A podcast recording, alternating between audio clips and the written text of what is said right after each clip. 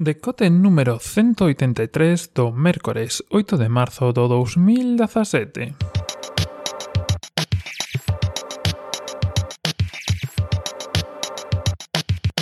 Bos días e benvidos a este novo decote. Primeiro de todo, pedir disculpas, creo que onde xa oficia un pouco por onte, que foi un podcast así un pouco máis... Eh, non sei como dicilo. Tranquilo, demasiado tranquilo, vamos a decirlo así.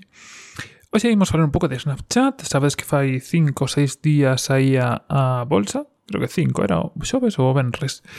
E, eh, bueno, deixamos un pouco de tempo para que se foran asentando estas cousiñas. Non sei se vos lembrades a última vez que falamos de Snapchat por aquí foi bastante tempo atrás, eh, de forma colateral, porque falábamos das Instagram Stories, de como Instagram estaba metendo algo prácticamente copiado de Snapchat, algo que logo chegou ou chegou fai nada a WhatsApp, ainda que en WhatsApp non se está utilizando nada, polo menos nos meus círculos unas persoas que teño unha senda de contactos, creo que só hai unha persoa que utiliza así un pouco recurrente, pero os primeiros sí que días sí que miraba algo, pero ahora xa nada de, de nada.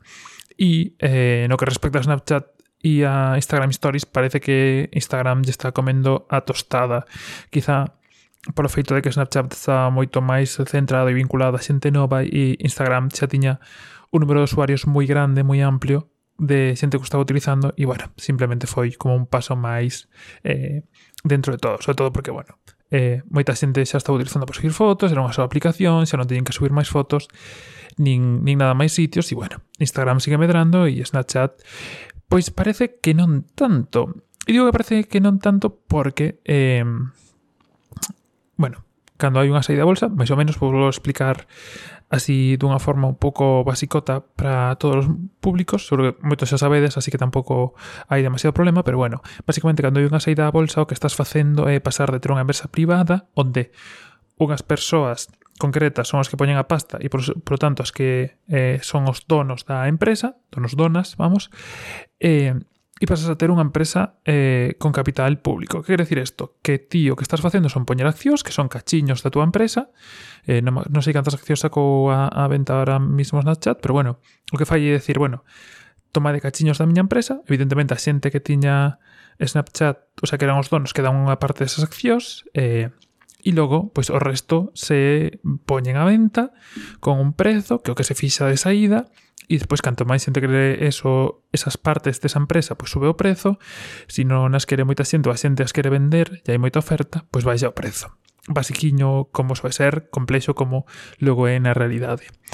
Eh, estas accións, as de Snapchat, eh, tiñan, teñen, porque siguen aí, que non se apareceu, eh, algo moi concreto e moi... Eh, non sei como decirlo, especial, que que non teñen dereito a voto. Normalmente as accións de todas as empresas pois teñen certos dereitos, por exemplo. Eh, cando a empresa ten dividendo, é dicir, cando hai un beneficio na empresa, a empresa pode decidir reinvertilo, é dicir, comprar cousas novas, eh, pode decidir repartilo, é dicir, se tes unha acción desa empresa, pois reparte un dividendo. Si, tes, si unha empresa ten, poñamos nun exemplo moi básico, 100 accións, e ten eh, 1000 euros de beneficio poder decidir repartilo todo e a cada acción tocanlle eh, 10 euros ou non repartilo todo e bueno, digamos que hai un dividendo. E logo pode haber dividendos normais de os que veñen os dos que veñen cando se dan os beneficios ou pode haber os extraordinarios que van polo medio e depende das accións que teñas pois tocache tanto. No caso de Snapchat estas accións eh, no poden ter dividendo pero non teñen dereito a voto. É dicir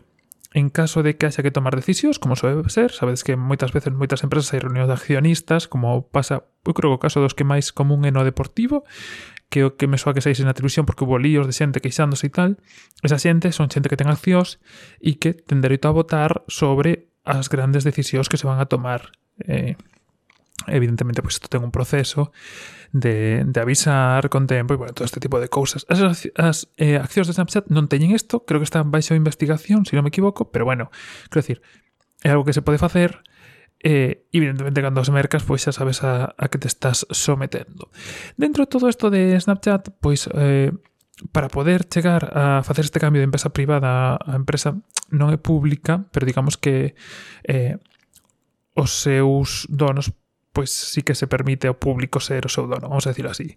Eh, entonces, evidentemente, esta empresa ten que mostrar datos de como está económicamente por dentro para que a xente poida tomar unha decisión sobre se mercar ou non eh, da mellor forma. Alguns datos que supemos con isto foron que eh, foron os número de usuarios que está tendo activos, que son 58 millóns eh, no último trimestre no último trimestre sí, do 2016, 158 millóns de usuarios activos de maneira eh, diaria, eh, que está moi ben. Twitter, se si non me equivoco, ten, ten menos.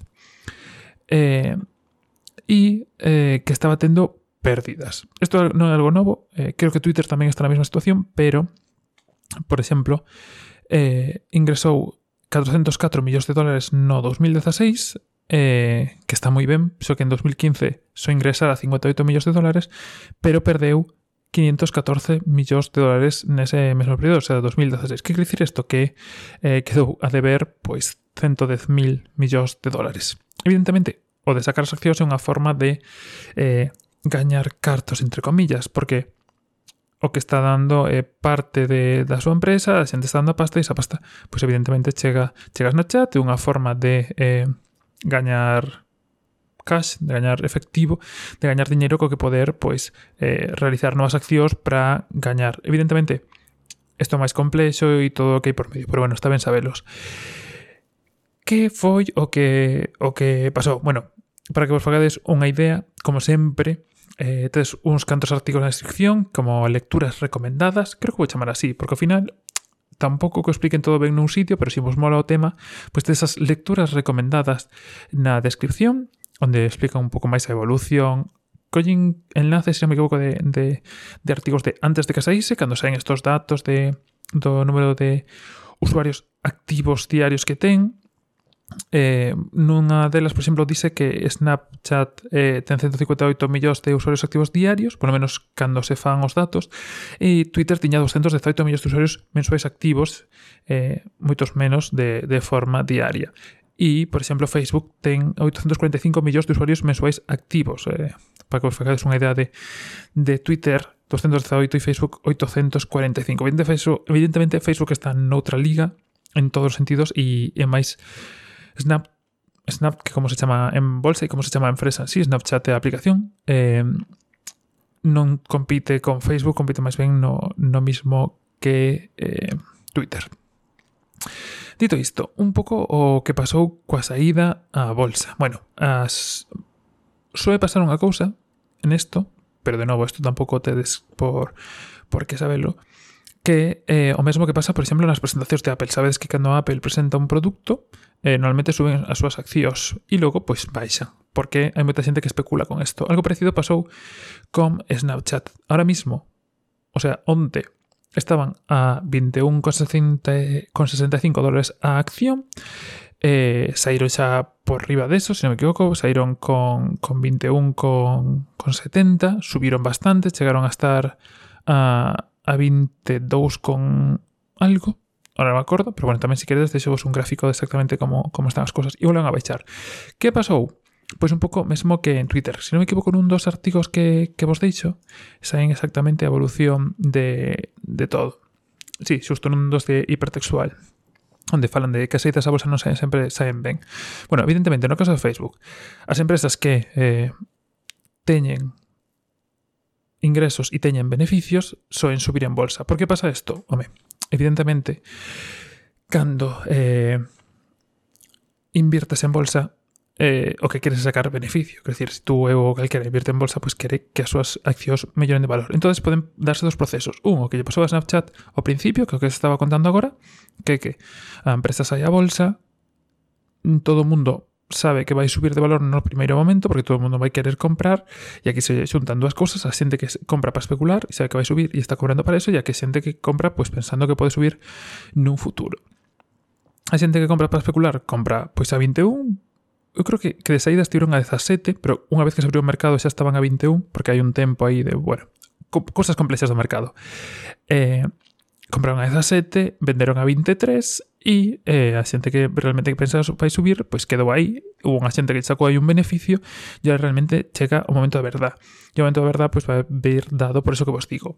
O beneficio que dan as empresas. Por exemplo, eh, se si non me equivoco, eh, hai empresas que non dan... Eh, que non reparten beneficios, eh, se si non me equivoco Apple é unha das que non reparte beneficios, hai empresas que reparten, se si non me equivoco Inditex eh, reparte beneficios, bueno, cada empresa ten a súa política, evidentemente cando se invierte en bolsa, pois eh, isto hai que sabelo porque é importante, porque pois, se si tes 200 eh, 200 accións dunha empresa que sabes que reparte normalmente pois entre 1 2 euros por acción, pois son 400 euros que sabes que van a chegar todos os anos e que evidentemente pois lle dan máis valor a esas accións. Isto é unha asignatura que de contabilidade financiera e cosas así, que será a miña carreira que é un pouco coñazo, pero bueno, para que para que o teñades básico e claro, e xa que estamos falando en chat, pois tamén sabes un pouco desto.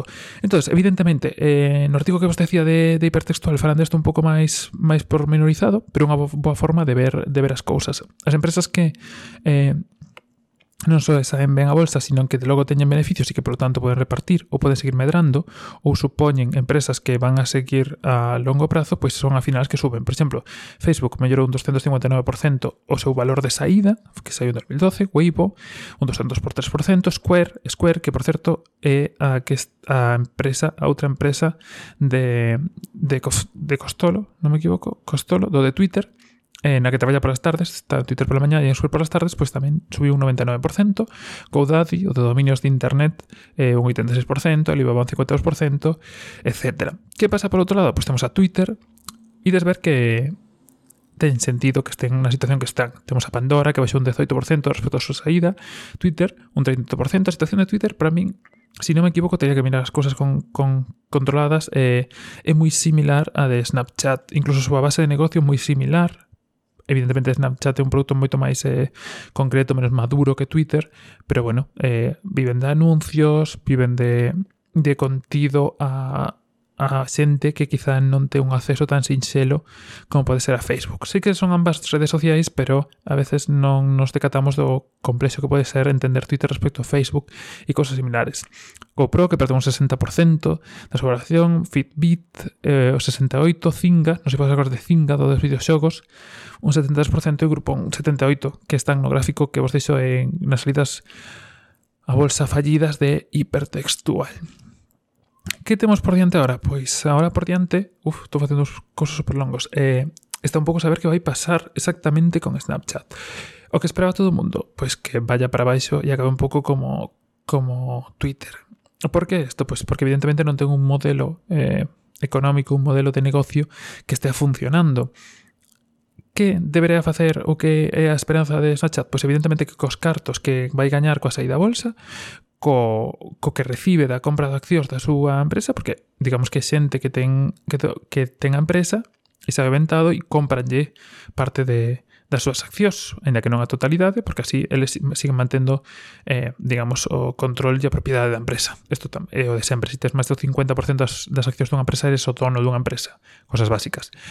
Eh, pois utilizaste este diñeito, estos cartos para facer algún movimento, algún cambio que les permita eh, empezar a ter esos beneficios, empezar a ter beneficios, o sea, digo esos beneficios, sino simplemente beneficios que les permita manter a estructura actual e que les permita facer eh, cambios e novas cousas para seguir ganando beneficios. Ahora mismo, evidentemente, Snapchat non é unha empresa interesante para invertir, xa que, bueno, non, non estás invertindo en algo que está perdendo cartos. Así que creo que calquera pode entender que eso non sexa máis interesante. Nada máis con ese, entretíveme mogollón, notase que é un tema que, que teño un pouco controlado, ainda que sexa. E non sei, quizá queres saber algo máis do tema da bolsa, de Snapchat, das empresas tecnolóxicas ou resto de cousas. Evidentemente, eh, Snapchat, si queres comprar accións, eh, tens que facelo na, na bolsa estadounidense, Nasdaq, se si non me equivoco que se chama, e, e creo que se pode facer sin problema, pero bueno, ten máis eh, problemas intermedios de de facer o cambio e logo facer a compra e ese tipo de cousas. E iso todo por hoxe. Eh, espero que resultase interesante e aprendedes moitas cousas hoxe. Se non, e se non entendes algunha, pois sempre podes preguntar, como sempre, eh, no blog en podcast.alge.net, donde tienes todos los enlaces a noticia, a redes sociales, a iTunes y a todos los sitios que pueden ser de interés para vos. Y si no, pues también metes en Twitter, en arroba gorrigosa, para o que necesitedes. Nada más por ese, nada más por este hermoso día, festivo en la Coruña. Espero que os disfrutéis, os que estéis por allí. Y vémonos de nuevo mañana, en el mismo sitio y a la misma hora. Un saludo y hasta mañana.